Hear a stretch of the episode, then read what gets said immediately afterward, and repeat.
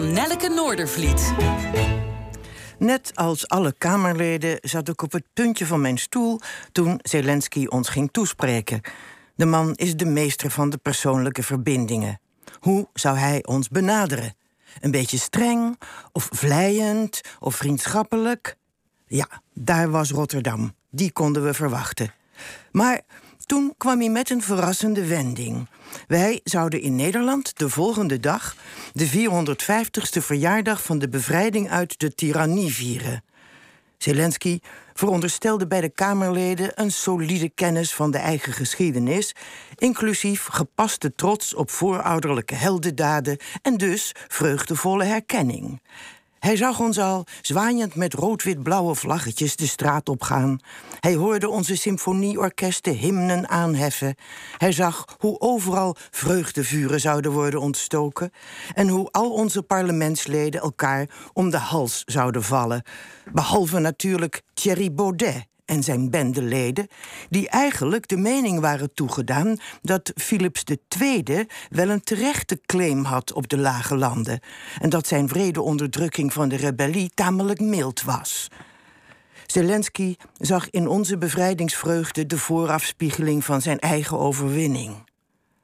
Nu is bij ons de geschiedenis een betrekkelijk heikel onderwerp. De meeste Nederlanders hebben geen enkele notie. Dat kon hij niet weten. De recente discussies over de juiste benadering van ons verleden hebben voor ongemak gezorgd. Een ongemak dat vooral wordt veroorzaakt door die gebrekkige kennis.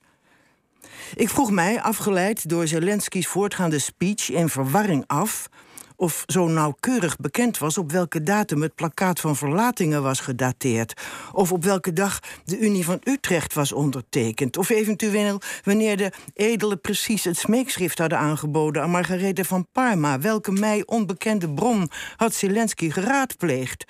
Tot het me daagde. De mythe had weer eens zijn werk gedaan en Wikipedia ontkende het niet. De watergeuzen namen den Briel in. Nu weten we dat die watergeuzen betrekkelijk agressieve knokploegen waren die op niets ontziende wijze katholieken over de kling joegen en niet terugschrokken voor wat we nu oorlogsmisdaden noemen. Op mijn katholieke lagere school sorry, werden de martelaren van Gorkum dan ook als helden en slachtoffers afgeschilderd, terwijl, ja, dat dan ook weer, de Spaanse furie onbesproken bleef. Als zo lang, zelfs tot in het onderwijs, een bepaald perspectief op de geschiedenis wordt volgehouden, is het niet zo vreemd dat Zelensky zich vastklampt aan de watergeuzen. Die hebben in ieder geval gewonnen, toch? Na 80 jaar, dat wel.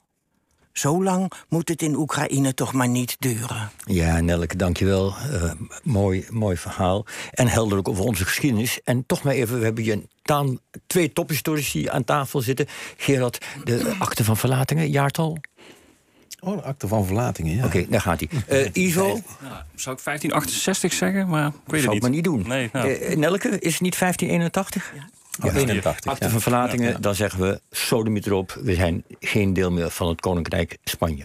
Ja, ik vind toch het meest opmerkelijk dat het in de Oekraïnse Wikipedia te vinden is. Ja, ja. nou die moet Gerard er maar eens op naslaan dan. dat zal ik verder jongens.